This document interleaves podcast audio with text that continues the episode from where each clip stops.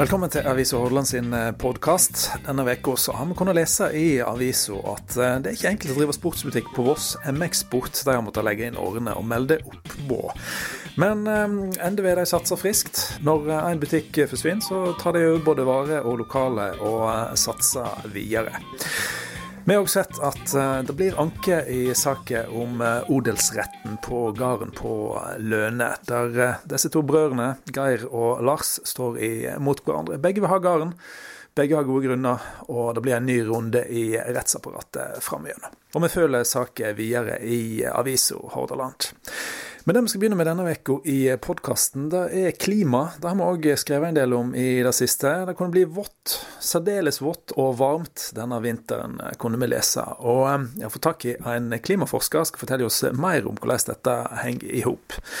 Vi skal òg få høre at uh, vår sambygding Ingvild Bryn hun har vært med på å få orden på nynorskprosenten i NRK, sånn at han nå for første gang øver målet på en fjerdedel, altså 25 vi skal òg eh, få besøk av en ung kar som har hatt arbeidsveke her i bladet ei ukes tid nå. Samuel Sandvik. Han og Ørjan Brattetveit setter seg ned og eh, drodler litt omkring framtida til FBK Voss. Hva plass bør herrelaget ha i divisjonssystemet vårt framover? Men først så tar vi for oss litt eh, klima. Lurer du på hvordan dette her med CO2 og atmosfæren og klima henger i hop, så får du forklaringer her nå. Da skal vi over til noe som eh, for mange kanskje fortoner seg som et hyggelig framtidsscenario. Det blir eh, varmere sånn generelt. Andre vil eh, tenke at det er ikke så kjekt fordi at det blir fulgt av mer vått og fuktig nedbør. Og noen vil være triste fordi at den kalde, gode, snørike vinteren den er ikke her lenger. Og Erik Kolstad, klimaforsker på Norse og Bjerknessenteret. Denne varme, fuktige vinteren, den får vi bare begynne å venne oss til, er det sånn? Ja, det ser sånn ut. Eh, det ser ut som det holder eh, en stund til akkurat denne vinteren her. Og eh, dessverre så er det jo den retningen det går i fremtiden. Altså det er ikke Jeg har vel ennå ikke sett et fremtidsscenario som ikke indikerer at det er varmere og Eller mildere, da, som vi gjerne sier om vinteren, og våtere. At det er den retningen det går. Mm. Men Hva er det som uh, forårsaker dette her skiftet som vi har uh, rundt oss nå? Er det vær eller er det klima, eller hva er det, hva er det som skjer rundt oss nå? Nei, Det er litt begge deler. Altså Det at det har vært så mildt denne vinteren frem til nå, i hvert fall, det kan man jo gjerne kalle vær. Altså Det har med akkurat uh, hvor, hvor disse lavtrykkene i atmosfæren beveger seg og sånn. Så det, det kan jo være litt tilfeldigheter som gjør at du får disse ekstremt milde periodene. Men eh, det, den klimakomponenten, eller det som har med klima å gjøre, det er jo den, henger jo sammen med en, eh, det er et globalt fenomen.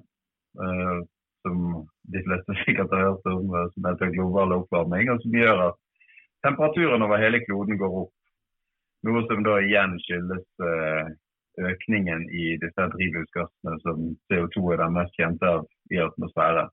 Mm. Så når vi har sånne ekstremperioder som dette her, så er det gjerne en kombinasjon av de to tingene som slår til. Du har tatt på deg den uh, vanskelige utfordringen å uh, definere litt den CO2-problematikken. Hvorfor, spør mange, det er jo så lite relativt sett av CO2 i atmosfæren. Hvordan skal man legge og belemre all denne problematikken med oppvarming som vi ser på den relativt sett vesle delen av atmosfæren? Der skal du uh, ordne opp i seinere for oss. Og så kan vi prøve å noen, knuse noen myter her òg i dag. Men du var litt inne på det, men kanskje vi skal begynne med forskjellen på vær og klima. Hva er egentlig det ene, og hva er det andre? Nei, det, det kunne vi diskutert til uh, neste år, tror jeg. Men uh, det som er vanligst, er å definere klima som gjennomsnittlig vær over tid. Det er liksom den aller, aller enkleste uh, definisjonen. Men jeg liker å tenke på sånn som at klima er det den værtypen vi har Altså F.eks.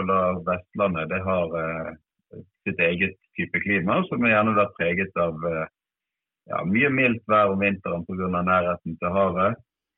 Eh, og ikke, eh, ikke så veldig varme somre. Mens det står i kontrast til innlandsklima som man har mer på Østlandet, som er kaldere og tørrere vintre og, og varmere og tørrere somre. Men hva er det da som gjør for oss vestlendinger at vi opplever tilsynelatende at det er mer vått, mer nedbør tyngre nedbør, villere, varmere, våtere, var det som var overskriften på en rapport for noe tid tilbake. Hvorfor, hvorfor merker vi mer av dette nå? Nei, Det er jo kort og godt fordi at det er varmere og, og våtere. Så vi, vi, opplever jo det som, det som skjer eh, værmessig, og eh, det er den retningen det har gått. Og Det er jo da særlig der om vinteren så vi har hatt en voldsom økning, eh, opptil 30 noen steder i nedbøren. Når det gjelder temperaturen, så er den litt jevnere fordelt eh, gjennom året og har vært ca. en grad eh, oppvarming de siste 100 årene. Som er jo da for øvrig akkurat det som er forventet og har vært forventet lenge, med tanke på de klimaendringene som har med endringer av drivhusgasser å gjøre. Det at det kommer mer nedbør, det har med den økende temperaturen i luften å gjøre. For det er nemlig sånn at eh, jo varmere luft blir, jo mer fuktighet eh, klarer han å holde på, på en måte. Det blir litt forenklet, men en grei måte å tenke på det. Det er jo litt derfor du ser at i tropene for de som har vært der, når det først regner der, så kommer det jo ned noen dråper som du aldri kunne ha sett her på, på Vestlandet. For så jeg tror en av, en av de mest uh, intense nedbørene som noen gang er målt, så var det regnet en meter på ett døgn i Bombay i India. Så Det er liksom en helt annen type vær. og Sånn kommer det jo aldri til å bli i Norge. Men når temperaturen øker, så, så får vi også det der mer intense nedbøren. Når vi ser på dette her, da, hva um, skal vi ta ansvar for når det gjelder klimaendringer? Menneskeskapte klimaendringer det blir jo diskutert opp og ned og i mente av folk med ymse vekttall innenfor både din profesjon og uh, andre. Hvor sikre er vi på at uh, vår gjøren og laden nå forandrer klimaet som vi lever under? Altså, Det blir ikke så mye diskutert uh, blant klimaforskere, da, for å si det på den måten. Vi er veldig sikre på det. og dette er jo noe, Den påvirkningen som CO2 har på temperatur, det er jo noe man har visst helt siden 1800-tallet. Så det er jo jeg vil sagt at uh, helt dønn ukontroversielt. Og jeg kan egentlig ikke skjønne hvorfor den diskusjonen akkurat den diskusjonen ikke er lagt død. Nå er det jo klart at uh, akkurat hvor stor effekt det har, og hvilken effekt det har regionalt og sånt, det er jo helt uh, mange åpne spørsmål der. og Det er jo derfor det er derfor vi driver med klimaforskning. Men det er nok ikke så mange som sitter og forsker på om CO2 har en effekt på klimaet, for det var man ferdig med for over 100 år siden.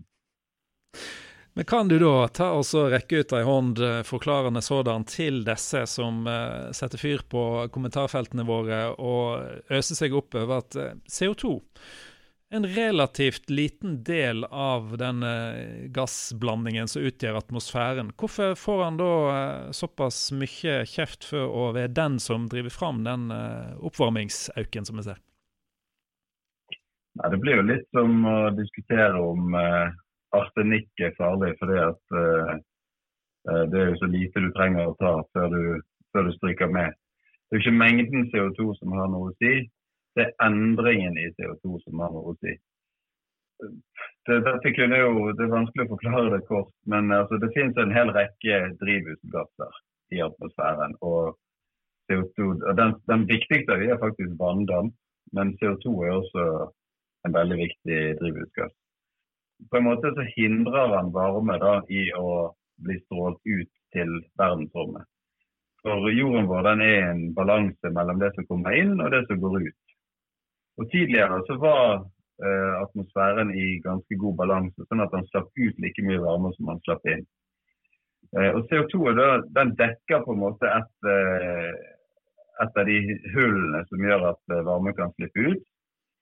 Og jo mer CO2 vi har, altså relativt sett, det har ikke noe å si om det er lite CO2 i forhold til oksygen f.eks. i atmosfæren. Men jo større økning du får i CO2, jo mindre varme slipper ut.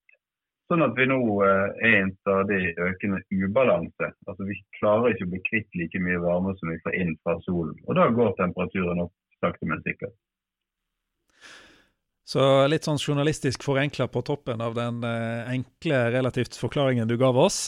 Det er ikke så nøye hva dråpe som får det til å renne over glasset. Når det renner over, så, så har vi et problem. Ja, og du kan tenke sånn at uh, prøve å komme på en annen bilde på det. Hvis du, eh, hvis du fryser og så tar du på deg et ullteppe, så er det et hull i det ullteppet som slipper ut varme. Du, selv om det hullet er lite, så kan det kanskje slippe ut ganske mye varme. Hvis du, hvis du stopper det hullet, da, så øker temperaturen inni ullteppet. Det er litt som med CO2 også, at du, den bidrar til å stoppe eller lukke noen av de hullene som, eh, som tidligere fantes for at varme kunne slippe ut.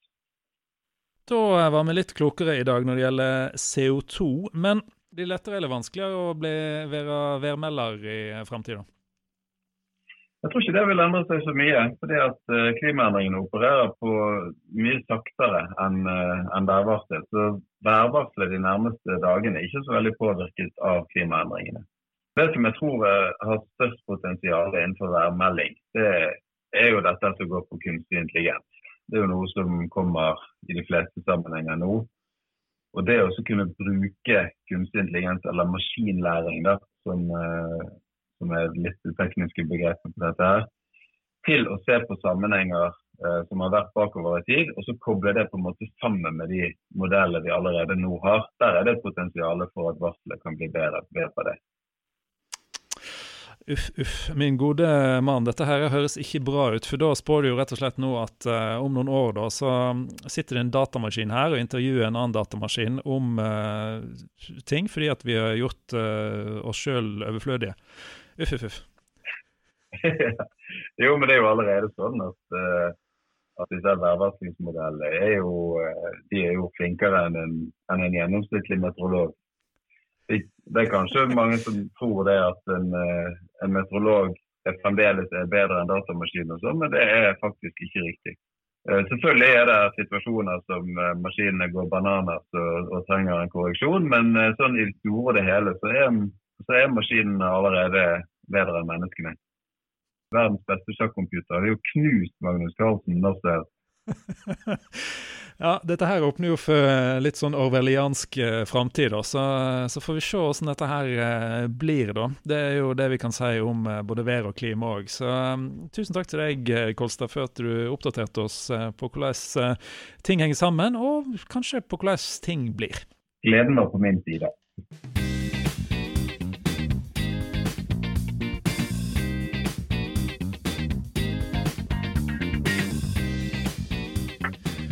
Da har vi fått uh, selveste fungerende språksjefen Ingvild Bryn, uh, sambygdingen vår, da, på plass her for å gratulere deg, Ingvild. For nå har arbeidsgiveren NRK klart noe som du har arbeidet hardt for i mange år. Ja, vi bikka 25 %-målet. Det er jo et mål som uh, har ligget der i 50 år siden Stortinget kom med dette kravet til NRK om at minst en firedel av det vi har på lufta, bør eh, være på nynorsk. Men disse 50 år så har en altså ikke klart det før, eh, før nå, da, i 2019. Måtte hardt arbeid fra en uh, vossing da, for å få dette her til. ikke sant? Du, du, du, skal, du, skal, få lov å ta Vi har bilder av deg med uh, kake og greier og gratulasjoner. Du skal jo ha for arbeidet, for det er ikke selvsagt dette her, ikke sant? At uh, nynorsken skal ha sin plass i, i media? Dette er jeg vil si, Selvsagt har jeg arbeidet en del for dette. Jeg har vært språksjefvikar i eh, ja, to år og tre-fire måneder. Men kringkastingssjefen han har òg en eh, viktig pådriver her. For Han gikk hardt ut i et møte i Førde i 2018, november. Så sa han at i 2019 da skal vi klare dette her. Og Dermed så gikk det litt eh, sport i det. Og alle fikk lyst til å prøve å oppfylle dette her ønsket hans. da. Og Da måtte du mer nynorsk til på nettsidene. For det, når det gjelder det muntlige språket, så ligger en godt an. Fordi at alle dialekter, f.eks. Eh, ja, Ingrid Stenvold, da, som bruker dialekt, hun blir delt i to. Halve Ingrid Stenvold går til bokmålsstatistikken, og halve til nynorsk. Så Dermed får nynorsken i eteren, altså radio-TV, for drahjelp fordi vi får halvparten av alle dialektbrukere. Så det er jo ikke 25 normert nynorsktale i NRK, det er det ikke. Men så gjelder nettet, der er det jo ikke dialekter, der er det jo enten bokmål eller nynorsk. Og nå har de jo klart å øke prosenten, sånn at de ligger på 18% 18,1 og totalen er altså 25,2. Og Da nevner du dette her begrepet normert nynorsk, og det er vel du selveste symbolkvinna på, tror jeg. For Enkelt sagt så er det jo da um, å si f.eks. hva i stedet for å si hva, som vi sier her på dialektet på uh, Voss. Dette med normering ja. opp mot dialekt, hvordan håndterer NRK det nå? Det er sånn at uh, Hvis du er programleder på Dagsrevyen, så skal du helst snakke normert. Hvis du ikke føler deg hjemme verken i bokmål eller nynorsk, slik som hun, eh, Ingrid Stenvold, så kan hun da søke om å få lov å snakke sin Målselv-dialekt, det fikk hun lov til. Men eh, jeg har ikke søkt om å få snakke Vossa-dialekt på Dagsrevyen. Og fordi at det er ikke så voldsomt stor skillnad på det normerte nynorske språket og Vossa-dialekter. Men jeg sier jo ikke på Dagsrevyen Jeg ville ikke ha sagt Adle og kafé og eh, typiske Vossa-uttrykk og ord. Ville ikke ha sagt på Dagsrevyen. Um, og det gjør jeg jo ikke heller. Jeg, jeg snakker jo mest mulig normert på Dagsrevyen. Men er du normert på fritid, Ingvild? Eller hvordan, eh, altså, har det blitt uh, sånn at identiteten din er språklig blitt normert òg, eller? På ingen måte. Jeg er jo gift med en vossing òg. Mm. Så det er ikke sånn at jeg og han sitter og snakker normert nynorsk i dag. Hva skal vi ha til middag i dag, tru? Ja. ja. Og dette det våre snakker jo selvsagt bokmål begge to. Mm. 16 og 18 år nå. Men eh, eh, jeg tror òg at eh, for folk som skal lære seg nynorsk, studenter, eh, andre som kanskje sliter litt med nynorsken, så tenker jeg litt på, jeg har hørt eh, flere har sagt, at nå skal vi høre, høre før Ingvild Bryns stemme. Mm. Eh, da, da vet vi hva som er det rette ordet på nynorsk. Så jeg prøver jo ikke å si forskjell, men si skilnad og sånne ord på, på Dagsrevyen. Men selvsagt er det av og til vi har lange lange direktesendinger. Det kan være valnatt i USA på ja, en tolv timer med større studio. Da Da kommer det jo mye rart ut av munnen sånn. Når en skal stå der hele natta og ja og snakke om Donald Trump og, og, den slags. Det er lov da, Ingvild. Og jeg tror jo for mange så ja, er du, jeg tror du er målestokken på uh, nynorsk. Men hva syns du om den litt sånn utvaskingen som en ser? Jeg hører jo sjøl her på Vårs nå, eh, mange av ungdommene sier noe. Mye. Hva, hva, tror du det har å si, den her eh, ja, hva, Er det urbanisering? Blir kortere til bygden? Er det det som gjør at vi vatner ut den dialekten nynorsken ja. vi er vant til? Ja, jeg, nå eh, har jo jeg òg merka meg det at eh, det er i ferd med å bli litt mer bokmålsnært på Voss òg. Men språk er jo i utvikling, så jeg skal ikke slå sånn hardt ned på å si at fy, fy, sa du noe. Men det jeg håper og ber om av hele mitt uh, hjerte og sjel, det er at en ikke legger vekk det nynorske skriftspråket når en flytter fra Voss det er så lett å, da begynne å tenke at nei, jeg får bruke flertallsspråket. Da møter jeg minst eh, motstand, og det er ingen som reagerer. Så nå går jeg vekk fra nynorsken, og så går jeg over til bokmålet. Det er det veldig mange som gjør. Så det håper jeg inderlig at hvis det er noen unge vossinger som hører meg nå, at det ikke det legger om til bokmål, men at det holder på nynorsken. Hvis vi skal ha noe håp om at nynorsken skal overleve i framtida, så må jo vi bruke den vi som er oppvokst med og kan språket. Og det skjer oss ut òg. Du kan jo si på godt og vondt. For det er jo mange som sier til meg det er så flott at du du bruker nynorsk. Og uh, folk som er fra tjukkeste bokmålsområdet. Så det er ikke slik at når en kommer til hovedstaden, så plutselig så får en bare masse kritikk. Det er jo mye rosa for det at mange syns vi har en fin dialekt, og at det er fint med nynorsk. F.eks. min svoger Lars Gjeråker. Han er nestleder i Tennisforbundet. Det er jo en slags organisasjon som kanskje skulle tro at eh, ja, det her bruker det vel, bør vi vel bruke bokmål, men han kjører på med nynorsk. Forresten så er ikke nestlederen visepresident. Det høres jo flottere ut.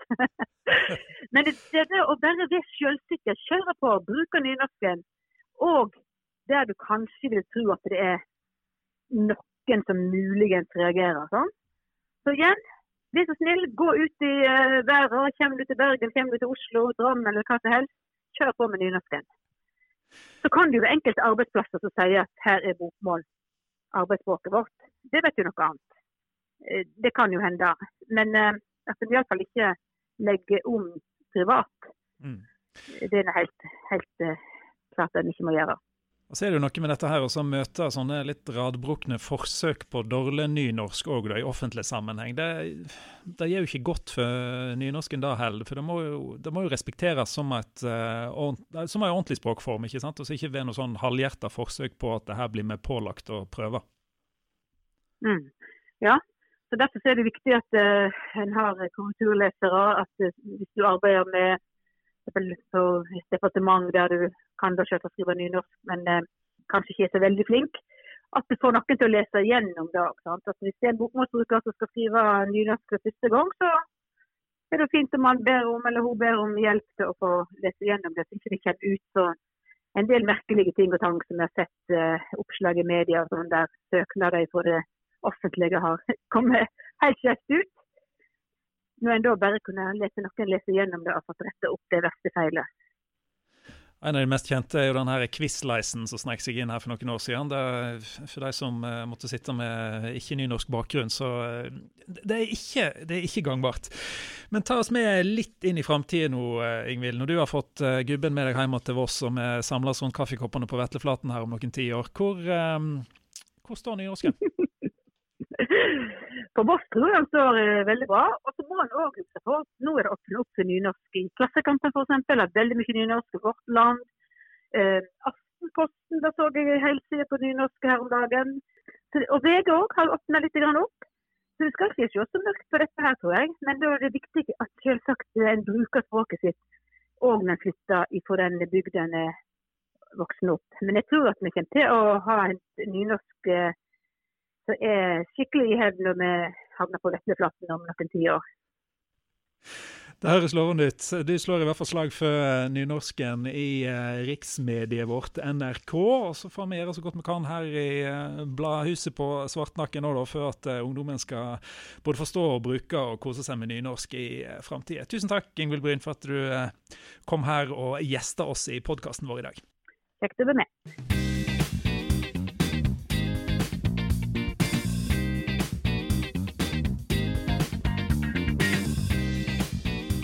Da skal vi over til disse karene som driver med sport på huset. Ørjan Brattetveit driver med det hele året rundt. Han har fått selskap denne uka av unge Samuel Sandvik, som har hatt eh, arbeidsveka.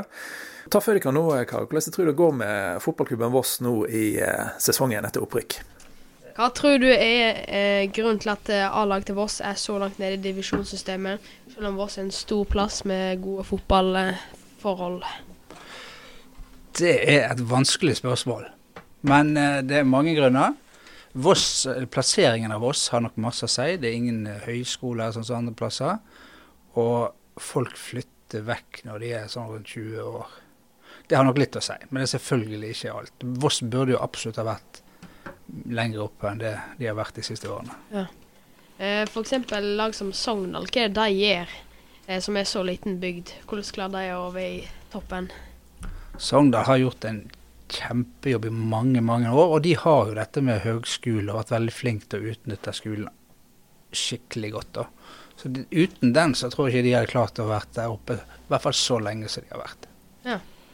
Hvem eh, kan få Voss opp i divisjonene? Hvem kan hjelpe Voss opp? Det er alle de unge spillerne som trener på Olabanen og Kiwi-banen hver eneste dag. De kan klare det om noen år. Hva kan bli bedre i FB Gross, og hva, kan, og hva er bra? Det er masse så bra i FBK Voss. Det er en stor klubb med mange medlemmer og veldig gode forhold til å trene i. I hvert fall så lenge været er med oss her, da. Og vinteren kan jo være litt vanskelig av og til. Men med så store baner som Voss har, de har Olabanen, de har Kiwibanen, de har grasbanen, de har Gras 2 så har de perfekte forhold til å trene. Tenk på alle lagene i bergensområdet f.eks. Der er det gjerne mange klubber som deler på én bane. Så Voss har kjempegode forhold til å bli god i fotball. Ja, Hva kan bli bedre? Å, det er masse som kan bli bedre. Men jeg tror fotballklubben jobber godt nedover. Eh, det, det, som er, jeg tror er litt viktig hvis de skal bli en god klubb også på seniornivå, det at de klarer å få enda flere unge spillere til å fortsette lengst mulig å spille fotball. Det er litt for få som, gir, er litt for få som holder på lenge nok til å bli gode A-lagsspillere. Nå har jeg en liten utfordring til begge dere to. Jeg har lyst til at både Samuel og Ørjan skal spå jeg. Hva plass havner Voss på i den første sesongen nå etter opprykket? Du kan begynne du, Samuel. Ok. Jeg tror eh, dessverre ikke blir opprykk. Eh, kanskje en femte-sjetteplass. Jeg har mer tro på at eh, ja, det etablerer seg i fjerdedivisjon nå, og så kan det satse mer på opprykk til neste år. Da tror jeg jeg er ganske enig med Samuel. Det vil være litt eh, tøft å tro at de skal gå rett på et nytt opprykk. Men det er jo òg litt spennende å se hva som skjer. Hvem blir med videre? Eh, får de nye spillere? Og så spørs det jo hva gjør de andre lagene. Så jeg tror nok de aller beste lagene i divisjonen er litt bedre enn oss neste år. Eller i år. Hvor lenge er det til vi får se eh, Samuel eh, heve A-laget framme nå? For du er jo en av de lunge lovene her sjøl, Samuel. Ja, liker å tro det i hvert fall. Samuel han skal eh, trene knallhardt nå noen år framover. Så er han med på laget her på, når Voss spiller opprykkskamp til andredivisjon. Bra. Står han like godt på som han har gjort her i avisa denne uka, så tror jeg det skal gå bra. jeg. Det går eh, rett til andredivisjon. Det er ikke tvil om det.